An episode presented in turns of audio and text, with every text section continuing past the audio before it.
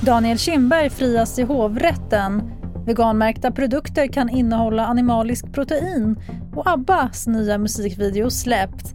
Och TV4-nyheterna inleder med att berätta att hovrätten nu river upp tingsrättens dom och frikänner Östersunds fotbollsklubbs ordförande och Östersundshems förre vd Daniel Kindberg från ekobrott. Oväntat sammanfattade TV4s reporter Markus Nuterius det hela med hänvisning till bevismaterialet. Utifrån de personer jag har pratat med eh, runt det här målet eh, och så vidare så, så eh, var nog det mesta snacket innan den här domen eh, var ju att eh, man ändå trodde att även hovrätten skulle fälla eh, Daniel Kindberg eh, då och de här två personerna till det här upplägget och bland annat så hittade man ju också eh, åklagaren haft som bevisning också när man då gjorde husrannsakan på Daniel Kindbergs kontor på Östersundshem hittade man en hel del intressanta saker.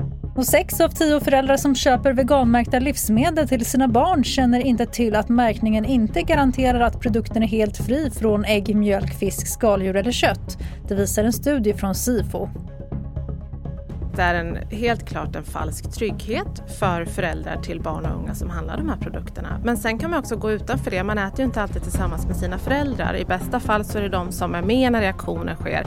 Men vad händer i skola, förskola när man köper in allt fler gröna produkter?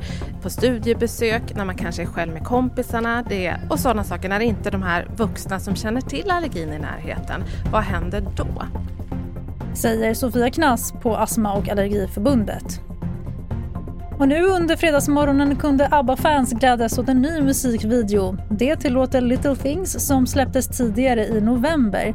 Videon dök upp på Abbas officiella Youtube-kanal på fredagsmorgonen och gestaltar hur en grupp skolbarn inspireras av Abbas comeback och anordnar en egen ABBA-show.